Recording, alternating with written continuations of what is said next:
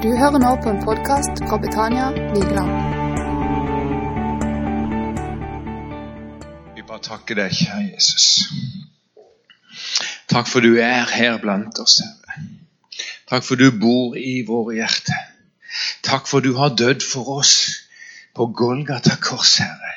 Der du tok vekk alle våre feil og mangler, Herre Jesus, og tilga oss fullstendig, Herre. Sånn at vi kan ha nærkontakt med deg, Herre Jesus. Sånn at vi kan kjenne din Hellige Ånds kraft iblant oss, Herre. Så vi kan kjenne det, at dette er et liv. Det er ikke en teori, men det er liv med deg, Herre. Jeg takker deg, Herre, for møtet i dag. Herre. Jeg takker for alle som er her i dag. Jeg takker deg for Ruth og Manfred og mora, Herre. Jeg bare ber din velsignelse over de alle sammen, Herre Jesus. Må du virkelig hjelpe meg, Herre Jesus, sånn at ikke jeg står i veien for Den hellige ånd, Herre. Sånn at du får gjøre ditt verk, så du får si det du har tenkt, Herre, gjennom oss og bruke oss, Herre. Takk for den fantastiske lovsangen. Takk for at du er her, Herre. Takk for at vi kan samles på nytt i vårt åndelige hjem, Herre. Jeg bare lover å prise deg, Herre Jesus. Amen.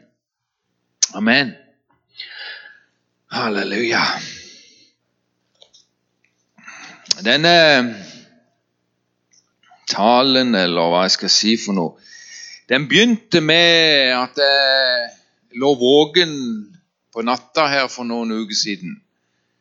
Det er av og til sånn hvis du drikker for mye Jeg drikker for mye kaffe for seint, så slår det tilbake i to-tre-tida på natta. Jeg vet ikke hvordan dere har det, men Men, men jeg, før, før, var jeg litt irritert. Jeg vet ikke om du blir irritert når ikke du får sove, men uh, det kan du jo bli. Det er fort gjort. Men jeg har bare lært å begynne å prise Gud, vet du. Og, og be til Gud på natta når jeg våkner. Og uh, men, så gjorde jeg det, da. Ja, ikke alltid jeg greier det, da, men jeg gjorde iallfall det den gangen. Men jeg prøver av og til. Og så, så kom det en setning som satte seg fast. Og eh, etter hvert som jeg ba der, så ble den så sterk at jeg tenkte nå, nå må du bare gå opp og så skrive den ned. Og eh,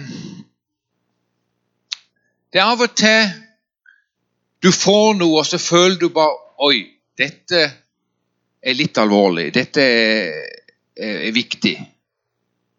Så skrev jeg ned. Og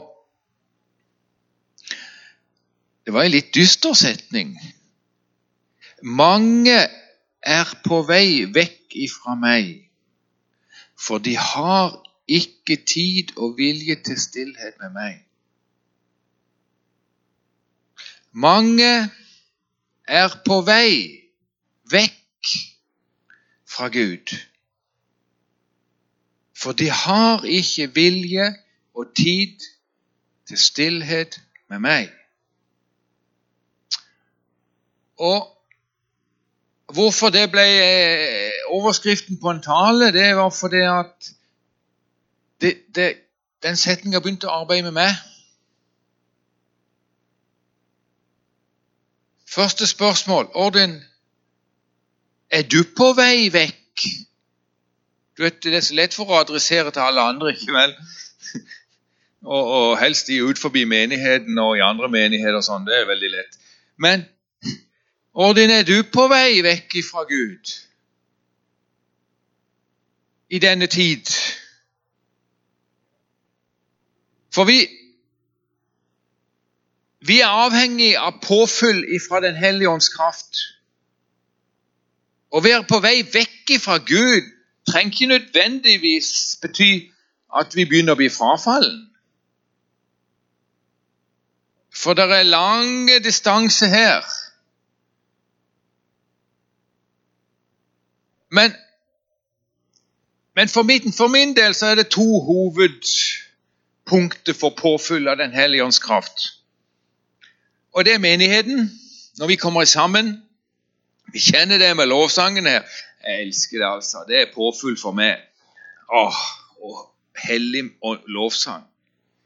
Og så, og så har du stillhet, alenetid med Gud, det er påfyll. Det er ting som fører meg nærmere Gud igjen. Og, og i disse tider så, så, har vi jo ikke hatt så mye menighetsliv. Så, så den bensinstasjonen har vært delvis stengt. Og da står vi igjen med den andre private lille påfølgingsstasjonen. Og da er det jo så viktig at vi bruker den, kommer jeg til å tenke på. Vi lever i en merkelig tid. For, Iallfall for oss som trekker litt på årene, som har levd litt i gamle dager, så, så, er dette for oss en veldig merkelig tid. Og jeg tenker kanskje ikke hovedsakelig på denne koronagreia, men jeg tenker på det digitale Noen kaller det digital velsignelse, andre kaller det digital angrep, overkjøring. Eh, men eh, nå så jeg just på fjernsyn at nå hadde skjerm gjennomsnittstiden gått opp til syv timer i døgnet per gjennomsnittsperson. Syv timer i døgnet foran en skjerm.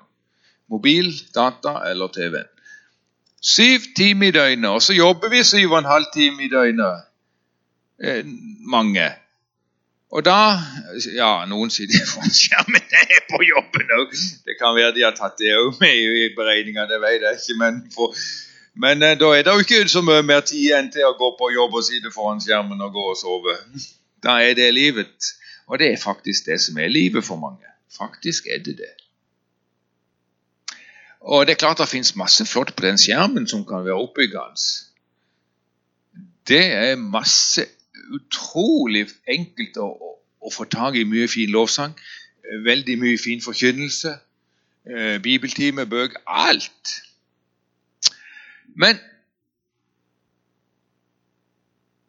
det viktigste øyeblikket i ditt liv, hva er det? Tenk.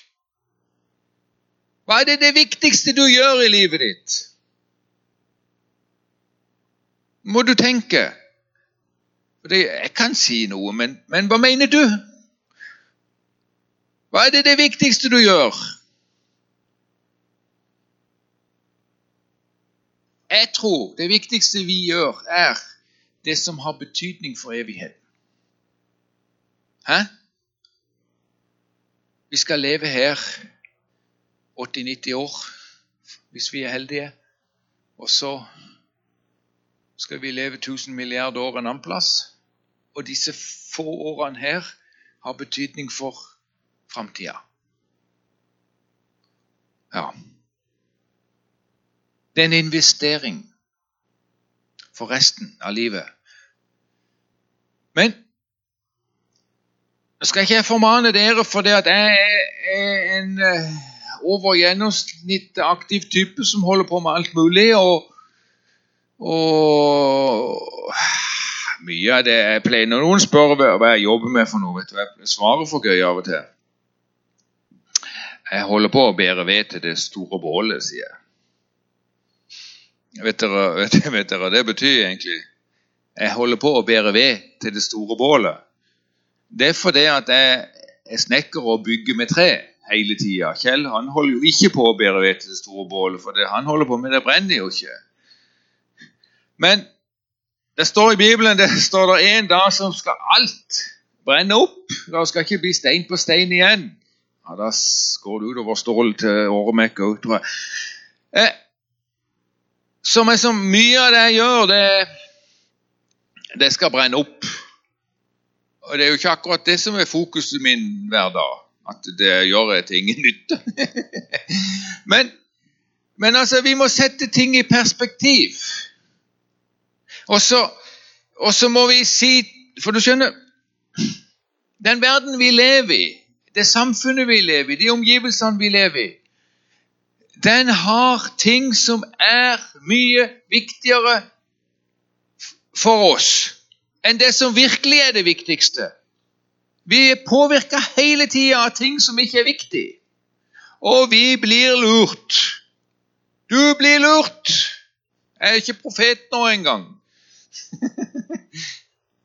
vi blir lurt til å tro at alle verdens ting er så veldig viktig må bare, skal bare, Har ikke tid. Vi har den beste tida som noen generasjoner har hatt. Det er bare tull, det der der vi ikke har tid. Bare tull. Skulle du vært husmor for, for 70 år siden, du, så hadde du visst hva det var å ha dårlig tid. Stå nå i bekken og vaske klær og styre i vei. Da var det dårlig tid, da. Nå har vi god tid, og vi har det godt, og det er fint. Halleluja! Jeg er så glad for at vi har det så fint. Det er ikke det. Men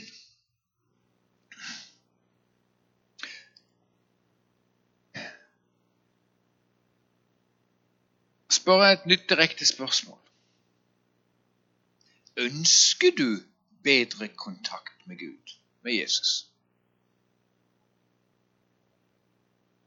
Ønsker du å bli bedre kjent med Jesus? Ønsker du det?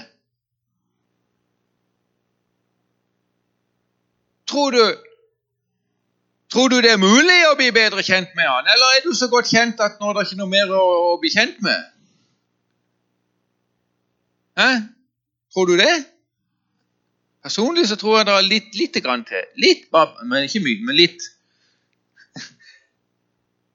Men spørsmålet er ønsker du å bli bedre kjent med Jesus? Ja, altså Selvfølgelig så er det jo et dumt spørsmål, derfor alle dere ønsker det. Sier vi. Men vi sier ganske mye som vi ikke gjør. Kom an på hvor sterkt du ønsker noe. Ikke vel? Det er masse ting vi ønsker å gjøre. Det er masse ting vi ønsker å reise på ferie og reise på dagsturer for å besøke og se og oppleve. Men hva er, det, hva er det som gjør at du reiser til en spesiell plass den søndagen eller den ferien? Jo, for det var det du ønska mest. Det var høyest opp på lista. Og høyt opp på lista er Jesus. Du ønsker han. Problemet er bare at helliggjørelsen kommer ikke helt gratis. Du må bruke tid med Jesus. Og for snart 20, over 20 år siden så reiste vi og kona og familien til Ukraina og hadde to år der som var til nå de mest fantastiske årene i mitt liv. Eh, for det at For meg var det en bibelskole der jeg lærte veldig, veldig mye. Og, og, hvorfor jeg lærte mye, har jeg sett i ettertid, var fordi at vi satte oss sjøl i en posisjon der vi var helt avhengig av Guds kraft hvis det skulle lykkes. Vi satte oss sjøl Vi reiste til et land der vi ikke kjente noen folk. Jo, vi, vi kjente noen, men vi har aldri vært sammen med dem. Visste ikke hvordan de var. Visste ikke hvilken tro de egentlig hadde. De var kristne, men hva de egentlig trodde på, visste vi ikke helt. Alt dette lærte vi jo underveis. Så, og det arbeidet vi skulle gå inn i, var det ingen som planla for oss, som hadde gjort en struktur på ting, og som sa når vi kom, nå skal du gjøre sånn og sånn, sånn og sånn, sånn og sånn, og du skal inn i menigheten her og jobbe sånn. Det var, det var ingen plan. Den planen måtte vi lage sjøl. Vi hadde fått noen setninger fra Gud. Merkelig. altså. En setning var at vi skulle ikke reise til store menigheter i store byer. Det er merkelig. Eh, vi skulle reise til små landsbyer. Ok, så vi gjorde det. Og etter en tid så organiserte vi én tur til én landsby hver dag. Det er én forkynnelse hver dag. På søndagen var det ofte flere. Så noen uker så var, var det oppe i ti forkynnelse. Og det er klart at det er jo ikke noen som anbefaler det hvis du snakker med noen bibelskoleutdanning i Norge eller et eller annet sånt. For det er jo litt sånn men sånn ble det. Det var ikke så veldig strukturert planlagt. Det ble bare sånn. Og, og da gjorde jeg noe som forandra mitt liv. Jeg bestemte meg. For det, det, det, går ikke an å produsere så mange mye forkynnelse på en gang uten å gjenta seg sjøl hele tida. Men jeg bestemte meg for det at hver morgen så gikk jeg ikke ut fra soverommet før talen var klar. Før jeg hadde fått et budskap fra Herren, så gikk jeg ikke ut av soverommet. Og Av og til så fikk jeg ikke frokost før i toalettida, men Og av og til fikk jeg frokost klokka syv. men jeg var nødt. Jeg satte meg sjøl i en posisjon der jeg var nødt. Og, og, og da lærte jeg hva stilletid med Jesus betyr i det virkelige liv. Og så har jeg dårlig samvittighet senere i livet, for jeg har jo glidd litt vekk fra den standarden jeg hadde da. Derfor så sier jeg det var de mest fantastiske årene i mitt liv. Og det første året vi var der nede, fra august til juli, så skrev jeg dagbok for hvert møte. Og det var over 200 mennesker som han hadde bedt til frelse for. Jeg skrev i dagboka hvilken plass vi skulle reise til, hvilket tema for talen, sånn at jeg ikke talte den om igjen der. Og så skrev jeg et antall med en F bak, et antall med en H bak og et antall med en Å bak. Vet dere hva det betydde for noe? Det var hvor mange ble frelst, hvor mange ble helbreda? Hvor mange ble døpt i Den hellige ånd? Og Når jeg leser den dagboka i dag, så er det bare helt vanvittig utrolig at det gikk an. Men sånn er Gud. Det var en spesiell tid, ja. Jeg var på rett plass til riktig tid. Og Gud hadde en plan for en vekkelse i det området. Jeg var jo kjempeheldig. Så det betyr jo ikke at når noen misjonærer reiser til noen eskimoer på Grønland, og de er der halve livet og det er to frelst, så, så, så, er de mislykka. Nei, jeg, jeg, vil jo si de må være veldig vellykka siden de har greid det. Å holde ut så lenge i troa på kallet sitt. Men jeg var så heldig å være på rett plass til rett tid. Og jeg tror jeg var der sånn som Gud ville ha oss. Ellen Marie har litt andre oppfatninger av, den tida, for hun så meg jo aldri. Og hun passet barn, og hun underviste disse her i, i, på skolen og gjorde daglige ting. Så hun følte hun gikk glipp av en del ting hele tida. Men det jeg vil si i dag Vi må ikke la den tid vi lever i, stjele Jesus ifra oss. I første Mosebok 24, 63 Ved kveldstid gikk Isak ut på marken for å ha en stille stund.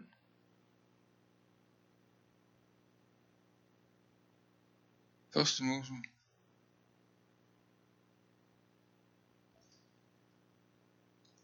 der han fikk se kamelene som nærmet seg.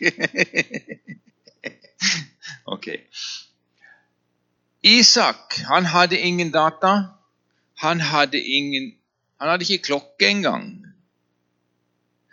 Så når han våkna om morgenen, så hørte han noen barn som lekte, kanskje. Han hørte noen som snakka, han hørte noen sauer og noen kuer som breka litt.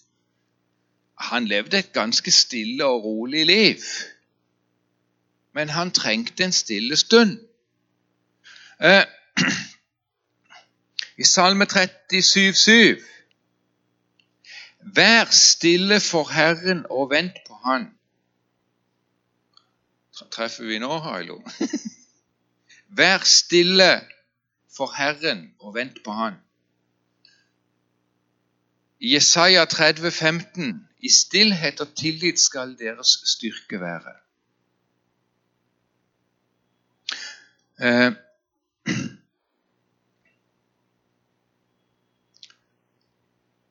vi, vi, har fått Det siste året har vi fått litt ekstra tid for oss sjøl. Så jeg håper vi har brukt den.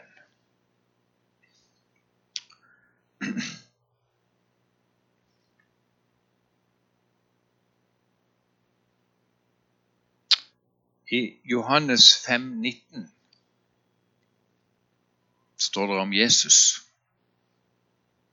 Han kunne ikke gjøre noe av seg selv. Han gjorde bare det han hørte fra Faderen. Ofte rømte Jesus opp på fjellet, ut på vannet, vekk ifra alle folkene som fulgte etter han. Ofte gjorde han det. Og eh, etter en lang dag med å betjene folk, så rømte han på et stille sted midt på natta. Skulle du tro, Når sov han? Men han Han var fullstendig avhengig av påfyll, og han visste at han måtte ha påfyll Altså, Jesus hadde en liten fortrinn i forhold til oss, tror jeg. For han har jo vært i himmelen før han kom ned her. Og han har jo levd sammen med Gud i x antall år. Så han uh, har litt informasjon, bakgrunnsinformasjon om hvordan det kristne liv fungerer, som ikke vi har hatt. Så han skjønte jo hva som var nødvendig, og hva som måtte til for at han skulle fungere disse tre årene. Derfor trakk han seg sånn tilbake. Og jeg tror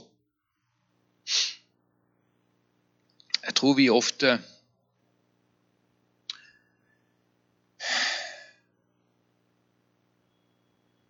Jeg tror vi Jeg tror vi ofte svikter på dette området. Jeg tror det er her vi svikter.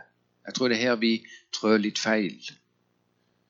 Det har vært noen taler i vår her i menigheten om å, å, å se på Jesus, holde fokus på han og alt det der. Eh, men jeg, jeg følte noen av de tallene kom ikke fram til selve poenget. Og poenget, hva er poenget? Altså, se på Jesus, se på Jesus. Ja, det er en klisjéuttrykk, tenker jeg. For vi kan jo aldri se han. Jeg tror ikke det er noen av dere som har sett han. Hæ? Og, og, vi skal jo se på han hele tida. Så har vi ikke sett han ennå. Så det er, litt, sånn, det er litt sånn ordspinn der som ikke helt funker i det virkelige liv, tenker jeg. Men vi skjønner den åndelige betydninga. Men hvordan gjør vi det i praksis? Hvordan er min erfaring med å gjøre det i praksis, tenkte jeg skulle vitne om i dag. Og, og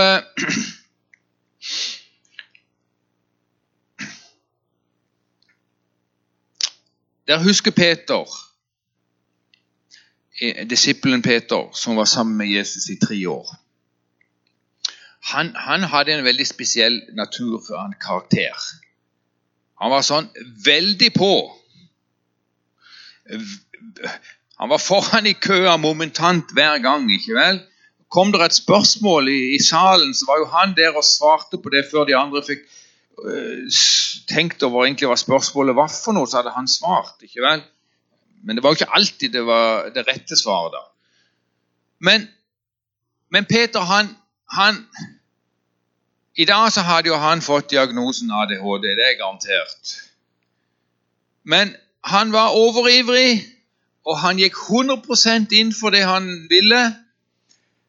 Og, og Jesus så potensialet i Peter. Han så det. Peter fikk en hovedplass i den videre evangeliseringen av verden når Jesus reiste. Men på eksamen, når Peter skulle opp til eksamen, så strøyk han. Og det gjør ofte oss som har dysleksi. Har, men, men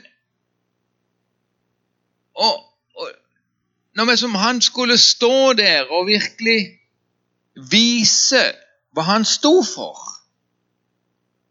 Når det røyna, når det butta imot, og Jesus var arrestert, og alt så mørkt ut og, og vanskelig ut, og, og, og alt så umulig ut, så kollapsa Peter òg i troa si, i frimodigheten. Det der frembusende vesenet, det var helt vekke. Han var en fornekter som gikk vekk og gjemte seg og gråt. Han strøyk noe så veldig på eksamen. Men Jesus visste det. Men Jesus han var 100% på rett plass etter Guds plan. Alt gikk som det skulle. Gud hadde full kontroll, selv om det så mørkt og vanskelig ut. Det var helt perfekt i Guds øyne. Det var vondt for Jesus, det var vondt for disiplene, ja. Men når da Peter svikter fullstendig, og han har nok noen dager som er veldig vanskelig for han, jeg tror han går og tenker på Oi, er jeg frelst nå? Eller er jeg fortapt? Har jeg svikta Jesus så mye at han ikke vil ha noe med meg å gjøre? Hvordan skal det gå med meg nå? Og så dro han tilbake til sin gamle jobb, sitt gamle liv, i fiskebåten i Genesaretsjøen. Et tegn på at han har ikke noe annet å falle tilbake på enn det gamle livet sitt. Og der kommer Jesus. Og hva er det Jesus spør Peter om? Hæ? Du, Peter, hva var det du sa for noe? Nei, han spurte ikke om det. Han bare gikk Han gikk sånn totalt inn i det dypeste plassen i Peters hjerte helt innerst inne. Og så stiller han bare det spørsmålet vet du, som går rett igjennom. Peter, om du elsker meg Det var ingen snakk om tabbe, feil og gode ting og dårlige ting. Det var ingenting. Det var meg som bare kjernen et spørsmål. Elsker du meg? Og og det spørsmålet stiller Jesus oss òg. Det er derfor det står i Bibelen, for det skal deles med oss. Og det er der vi òg må stille oss sjøl dette spørsmålet fra Jesus. Elsker vi Jesus? Eller for å nyansere det litt I hvilken grad elsker vi Jesus? I hvilken grad ønsker vi å ofre oss for Jesus? Vet du, jeg har av og til litt dårlig fremodighet. Ja, det Kanskje ikke dere opplever det sånn, men, men uh, Vi har noen ømme punkt i livet vårt, alle sammen. Kanskje noen andre òg. Men og et av mine ømmepunkter, vet du hva det er for noe? Jeg er ikke så fremodig med Jesus som jeg burde. Nei. Men jeg har opplevd hva som kan skje når du lever tett, tett, tett med Gud. Jeg har levd sånn i i årevis. Og så og så Nå bor jeg i Norge og har en vanlig jobb, og, og livet er normalt igjen. Og så, og så går, er det en sånn sviende følelse av at er du på rett plass? For det, det funker ikke så sterkt lenger som du gjorde en gang. Du har ikke så mye tid med meg som du hadde den gang. Og Faktisk så er det så konkret for meg at når vi reiser på misjonsturer, så, så trenger jeg to-tre møter for å komme i gang. De to-tre første talene og møtene vi har, det, det er så vanskelig. Jeg trenger, jeg trenger x antall dager i hel, heltid innenfor Gud for at kraften skal bare flyte ut. Og Det viser meg jo bare at Jesus er jo ikke sur. Han er jo ikke skuffa eller sinna eller For han ønsker jo bare å begynne om igjen og om igjen og om igjen hele tiden. Når vi har tid og er klar, så er han der. Eh, vet du Vet du en av hovedårsakene til at vi ikke har veldig stor vektelse i vår menighet? Vekst. Ja, Veksten vår er jo når våre unge mødre føder barn. Det er vår menighetsvekst, og det er fint. Familiene vokser. Men vet du, det er min mening. Vi har ikke tid til nye folk som kommer til vår menighet.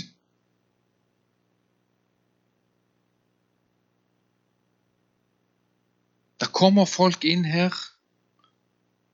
blir frelst, men vi har ikke tid til dem. De får ingen personlige venner. De får ingen miljø der de kan fylle opp den tiden de har rømt ifra. Når du blir frelst, så, så ønsker du kanskje å, å, få deg noen kristne venner eh, istedenfor å ha det, alle de gamle vennene dine. Du ønsker å komme inn i en, et nytt samfunn, et nytt miljø. Men det nye miljøet har ikke tid til dem. De har ikke tid til å besøke dem. De har ikke tid til å få en ny venn inn i livet sitt, for det er ikke plass. Og så går det en tid, og så ser vi det ikke så mye. Hvis du følger med på hvem som kommer her, så skjer dette hvert år her. Tre, fire, fem, seks nye folk. Noen av de er kanskje frelst når de kommer her. Kommer fra andre land, de er kanskje katolikker, de er kanskje noe annet. Men de kommer her. For de leter etter en menighet der de kan få påfyll, der de kan få venner, der de kan trives. Så hvorfor forsvinner de etter noen år? Det skjer hele tida, hvis du ser etter. Og det Og det tynger meg noe veldig, og det bør du gjøre òg. Hvis ikke du har sett det, så putte den bekymringen over på deg òg her i dag. Altså, hvor er kjernen henne i vårt kristenliv? Hvor er kjernen? Vi Dette skulle jo ikke bli en moralpreken. Det hadde jeg jo bestemt meg for forhånd.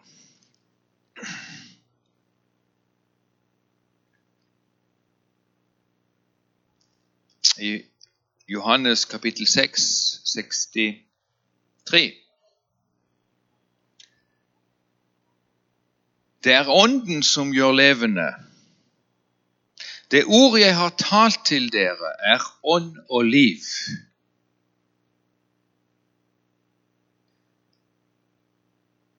Det er vår ånd inni våre hjerter. Det er den Guds ånd taler til. Det er ikke til vår visdom, kunnskap. Det er ikke til ditt følelsesliv. Det er ikke til din personlighet, for den kan jo være god og dårlig. Det er Ånden han taler til. Det er Gud har oppretta et kontaktpunkt inni oss som er på utsiden av din personlighet, ditt følelsesliv. Et møtested inni oss som vi må søke til. Det er bare når vi trekker oss tilbake i stillhet til dette møtestedet inni oss, at vi kan høre Guds stemme. Når vi lever i vår personlighet, så er vi opptatt av den. Og når vi lever i, vår, i vårt kjøtt, så er vi opptatt av det. Når vi kommer inn i ånden, da er det vekke. Da er det plass til å høre noe åndelig.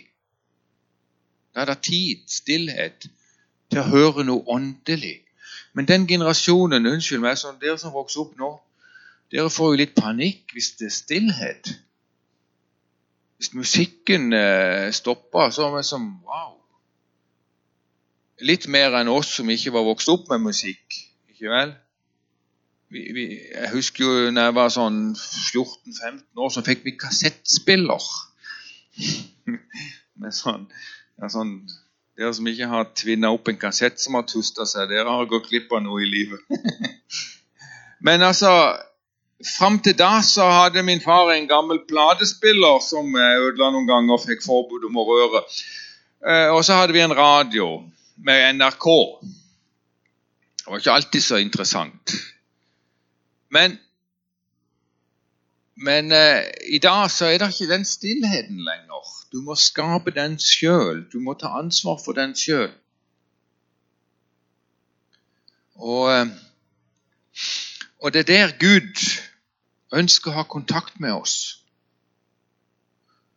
Altså, altså Selvfølgelig kan du få åpenbaring og kraft i møtet her, i andre sammenhenger, i samtaler med folk på bønnemøte. Jeg sier ikke det at det er kun i stillhet for Gud, men det er kun i stillhet for Gud du og han alene bygger opp noe.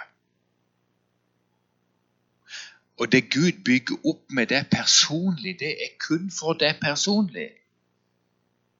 Det er der vi bygger vårt fundament. Vårt åndelige personlighet. Vårt åndelige vesen. Og det er der, gjennom den situasjonen, vi kan være med å forandre omgivelsene rundt oss. Uh, og det funker. Her om dagen Vi driver jo et gamlehjem i Ukraina som jeg har mast om til det kjedsommelige. Og, og, og, det går kjempebra. Det er dønn fullt, stinn brakke, og til og med de fire-fem koronadøde greide ikke å få ned driften. Så, så han begynte å snakke til nyttår om å bygge ut gamlehjemmet. Men så Åh, Sasja, ro deg ned. Vi, vi, altså, å bygge et gamlehjem i et annet land det er jo liksom det er som å skyte seg sjøl i beinet på, med driftsutgifter og alt mulig. He? Og ingen ønsker å gi penger til gamlehjem. Bare barnehjem. Men det har gått veldig bra. Det driver seg mer eller mindre økonomisk balanse. Og, og, og, alle disse gamle menneskene Nå er det bare tre-fire stykker som ikke er frelst. Så, så det er en misjonsstasjon de luxe. Vi er like mange frelst på det gamlehjemmet som i kirka i byen. Så det er, jo, det, er jo, det er jo, så flott. Men nå må han si nei og nei og nei til folk. Og så vil han bygge ut. Så spør Kjell og Elin er jo med i styret, da, så snakker jeg med de, og Kjell sier jo aldri nei, men det var jo ikke noe veldig entusiasme. Eh, litt Ja, vi, vi, bygger jo kirke i Etiopia alt det vi kan, og bruker alt det penger vi kan på de og misjonærene der. Så i år har vi jo nå, vi bygd, nå, holder vi på med fire nye kirker til nå i år, og ansatt ti nye misjonærer. og Det baller jo bare på seg. Det, vi, bare til Etiopia så er vi jo nesten oppe i 55 000 i måneden i faste utgifter. Pluss alt sånn ekstraordinære sykdommer som disse her får. Nå var det jo en som krasja med motorsykkelen sin. og brakk beinet, og, vi måtte jo få kjørt ham på sykehus. Hele tida med, med, flere hundre misjonærer så dukker det opp sykdommer til barna de sine. Eh, husene ramler ned, og de maser jo om ting hele tida. Og vi må jo bare hjelpe. Så skal, hvorfor skal vi bygge gamlehjem nå, Gud? Nå holder vi jo på med noe virkelig fresige ting der nede i Afrika. Men eh, Gud han tenker ikke som oss. For du skjønner, Gud har råd til alt han vil. Han har råd til alt han vil. Han kan bare velsigne oss på en eller annen måte. Han kan bare snakke med en rik businessmann som er frelst. Så har vi gamlehjemmet. Ikke vel? Så enkelt er det egentlig. Men Gud legger det fram for oss stille og rolig og beskjedent gjennom Sasha, som er så ydmyk og stille og rolig som han bare kan få bitt. Og så og så sitter han der og tvinner litt tommeltott Gud i himmelen, og så venter han på oss, og så skal han se hvordan vi tenker, og hvordan vi reagerer, og hva vi tror, og hva vi ikke tror, og hva vi er for noe. Og så sitter Gud der vet du, og ser at jeg vrir meg litt, for jeg greier ikke helt å si nei til Sasja heller. for Han er bare sånn en fantastisk person. Han er bare så Ja, Helt perfekt. Ja, det, det, er nesten vanskelig å jobbe med personer som aldri gjør feil. Har du noen sånne du har kontakt med? Hæ? Ikke vel når det mangler 17 øre i årsregnskapet, så har han et problem. For at ikke det stemmer med bilagene. Altså Og så sitter jeg der og tenker og tenker og grubler og grubler. og så og så plutselig kommer jeg på et argument. Ja, men det er jo veldig lett å bygge dette gamlehjemmet. Sasja skal gjøre det sjøl. Han gjør alt betongarbeid, han gjør alt rørleggerarbeid, han gjør alle gassrørene selv om ikke han har lov. Han får det godkjent etterpå. Han, han kobler nesten alt elektriske som en annen mann kommer og hjelper han å gjøre slutten med. Han bygger det, han legger taket, han, maler. Han gjør, legger flisene og han setter kjøkkeninnredninga, og så er det ferdig. Det tar litt tid, men det blir himla billig, og alt blir flott. Jeg trenger ikke gjøre noen ting. Samtidig som han driver gamlehjem. Og han har vist i 20 år at du kan stole på han for hvert øre. Du taper ingen penger, ingen risiko. Det er jo et gratis prosjekt å gå inn i. Det koster jo ingenting fysisk. Bare litt penger. Ja vel, så tenkte jeg ja, ja, det er kanskje dumt å ikke gjøre det, da. Fram og tilbake, fram og tilbake. Det er vanskelig. og Jeg ba til Gud, jeg ba til Gud. Jeg fikk egentlig fred med Gud òg, men så ville jeg ikke gi meg allikevel. Og så til slutt så Til slutt så, så ga jeg meg. Selv om jeg ikke er 100 sikker på du blir aldri 100% sikker på at det var rett. Men OK, Gud. Hvis du velsigner det, så, jeg, så tar vi den òg. Og, og, den kvelden jeg hadde en stille stund, så ble vi enige med Gud at og Jeg sendte mail til Sasja nå, nå gjør vi det. Hva er, først, hva er, det første vi må gjøre med dokument og søknad? Sett i gang. Vet du noe? Dagen etterpå så ble jeg velsigna med et sekssifra beløp. Flere hundre tusen. Dagen etterpå Hva? Ja, så kan jeg, kan jeg tenke ja, det var jo tilfeldig overraskelse. Positivt. Du kan velge du kan velge om du bestemmer deg for om du tror på Guds ord, som sier alt det land du setter dine føtter på, skal du innta.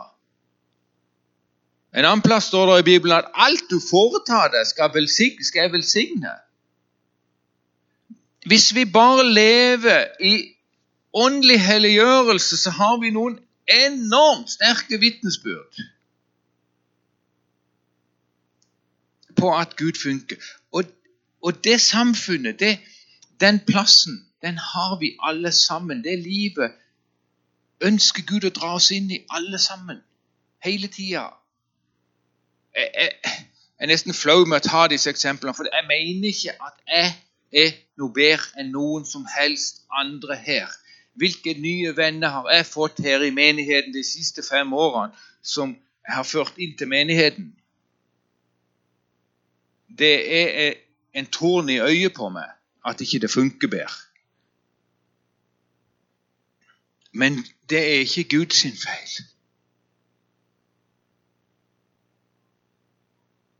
Jesus spurte Peter tre ganger Elsker du meg? Elsker du meg? Elsker du meg? Det er helt der innerst, innerst hva vi er, og hva vi vil stå for, og hva vi vil være. Jesus spør om. Han, han spør hva er det som har høyest verdi i ditt liv? Hvor høyt elsker du meg, Peter? Og vet du, Peter ble løfta opp fra en som hadde svikta totalt. På den dagen ble han løfta opp og satt som klippen i kirka, i menigheten. Fordi at han, han la sitt personlige svakheter, sitt personlige følelsesliv sitt, det, det bare tok de vekk. Og så var det Peters åndelige liv igjen i samfunnet med Jesus som sto igjen. Og det kunne Jesus bygge misjonsbefalinger, misjonsstrategien på. Ja. For det at Peter elska Jesus av hele sitt hjerte. Og han beviste det når han fikk Den hellige ånd. Så beviste Peter det som han sa på stranda i Genesaret, skjønte Jesus som Jesus visste når Peter sa 'Herre, du vet alt'. Så visste Jesus at Peter i denne stund vitna om at han ville ofre alt. Og han måtte dø for det. Og han gikk inn i døden for det. Han ofra alt.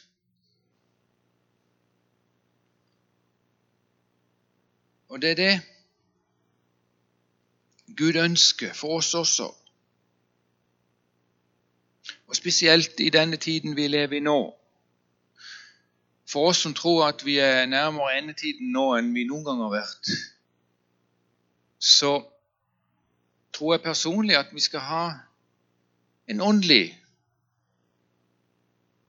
vekkelse i den siste tid. Men jeg tror også noe kan se ut som et åndelig frafall.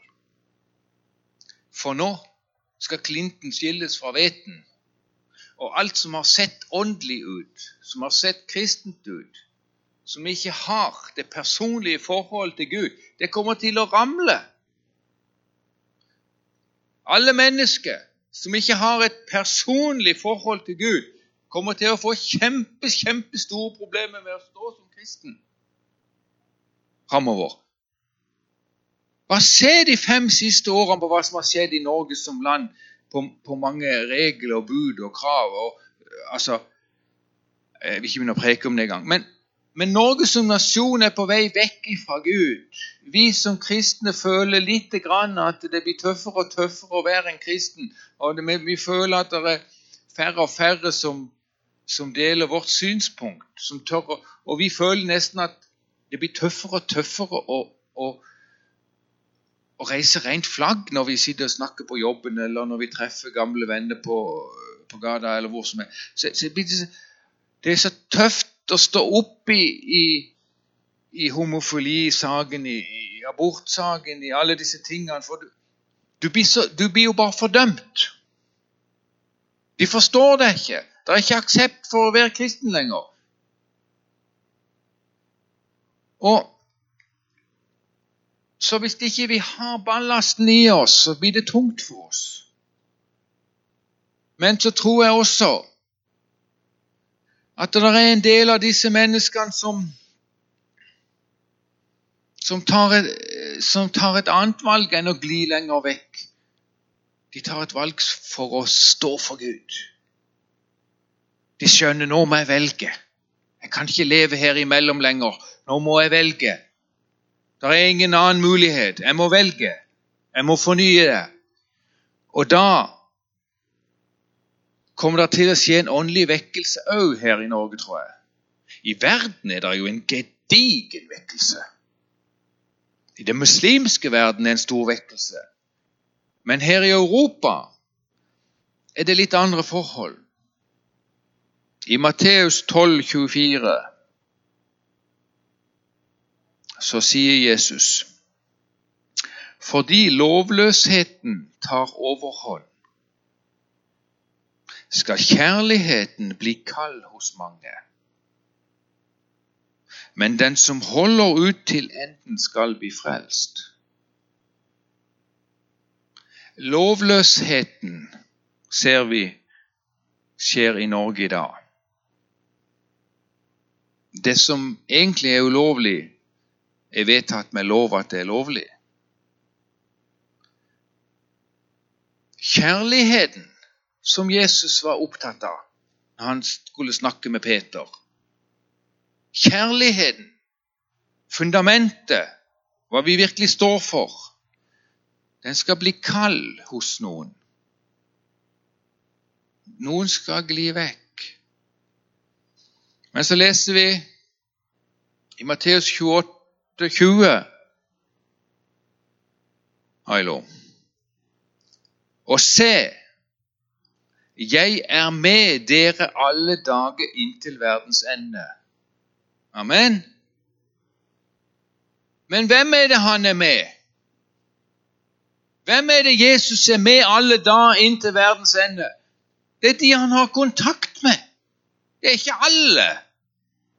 For vi leste jo at det skulle bli litt kaldt og vanskelig for mange. Men for noen, halleluja, skal han være med alle dager. Og vi blir veldig beskytta av Gud, vi kristne. Ikke alltid du opplever det sånn, ikke heller når det går galt. For det skal ikke så mye galt til før en blir sur og sinna. Men det er jo egentlig bare en bagatell. Men, men i de virkelig store linjene i livet vårt så står Gud og passer på oss så langt, men ikke lenger. Han setter noen rammer for beskyttelsen. Ja, ja, du får lov å ha noen vonde dager. Ja, det må du tåle, tenker han Gud. Men ikke lenger. Så beskytter han oss. Og så har han lovt å passe på oss og gå foran oss. Så hvis bare vi følger etter, så har han lovt å være med oss alle dager inntil han kommer igjen. Og jeg håper og jeg tror at denne menigheten skal ha en viktig oppgave det siste tiden. Og vi kan kanskje ikke legge så veldig vekt på den siste tiden. For det at for hver enkelt av oss så skal vi leve 80-90 år. Og så kommer Jesus. Ikke vel? Og tiden går fort. Det har vi lært. Årene går fort. Puff. Så Jesus kommer snart, uansett om vi kommer til han eller han kommer til oss. Ser du? Det er jo ett fett om vi går til han eller han kommer til oss. Vi møtes, ikke vel? Det er jo det som er poenget.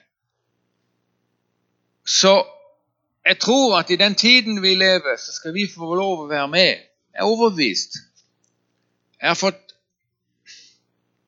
jeg har fått beskjed, eller fått, opp, fått flere ganger når jeg er sammen med Jesus, så sier han du må være klar. Det kommer en tid der jeg krever alt.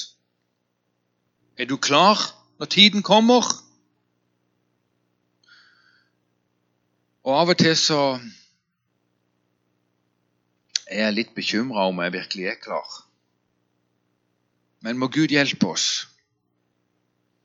Må Gud hjelpe oss. Elsker du meg?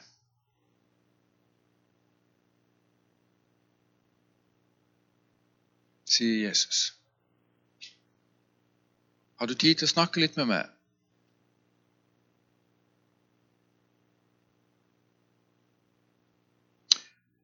Kjære Jesus. Takk for at du, Herre, har gjort alt for at vi skal ha samfunn med deg, Herre. Jesus, takk for du er ikke sur. Du, du elsker oss 100% Ja, du vet at vi er støv, og så elsker du oss 100% og så står du klar hver dag. Hver dag. Takk, Jesus. Takk, Herre, for vi har sett lyset, Herre. Takk for vi har sett håpet, Herre. Takk for vi har sett løftet om at du skal være med alle dager. Jeg bare takker og lover deg, Jesus, at du, Herre, er sentrum for vår liv, sentrum for denne menigheten, sentrum for det vi holder på med, Herre Jesus. Og vi skal være med på ditt lag, Herre. Takk for du løfter oss opp og gir oss ny kraft, Herre. Takk for du er den som bygger våre liv, Herre Jesus. Amen. Til slutt så skal jeg synge en sang for dere.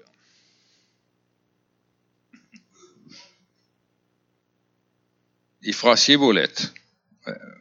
Det var, det var den boka vi sang alle sangene fra før i tida, omtrent. Men jeg husker ikke hvor lenge siden det men det er en 20-30-40 år siden kanskje her i menigheten, så hadde vi en kar som eh, jeg ikke husker het engang. Men hver gang han kom her, så kunne han synge samme sangen. Kanskje Kjell vet hvem det er, eller mine foreldre. Han skulle synge den sangen vet du, ved Jesu føtter en stille stund. Er det noen som kan huske hvem det var? En litt lubben, lys kar. Var fra gamlehjemmet. Ved Jesu føtter en stille stund, når orda kjem fra hans egen munn, når jeg og Jesus aleine er, da er det hugnad å leve her. Når jeg og Jesus alene er, da ønsker jeg ikke mer her. Når jeg og Jesus alene er, den største striden får løsning her.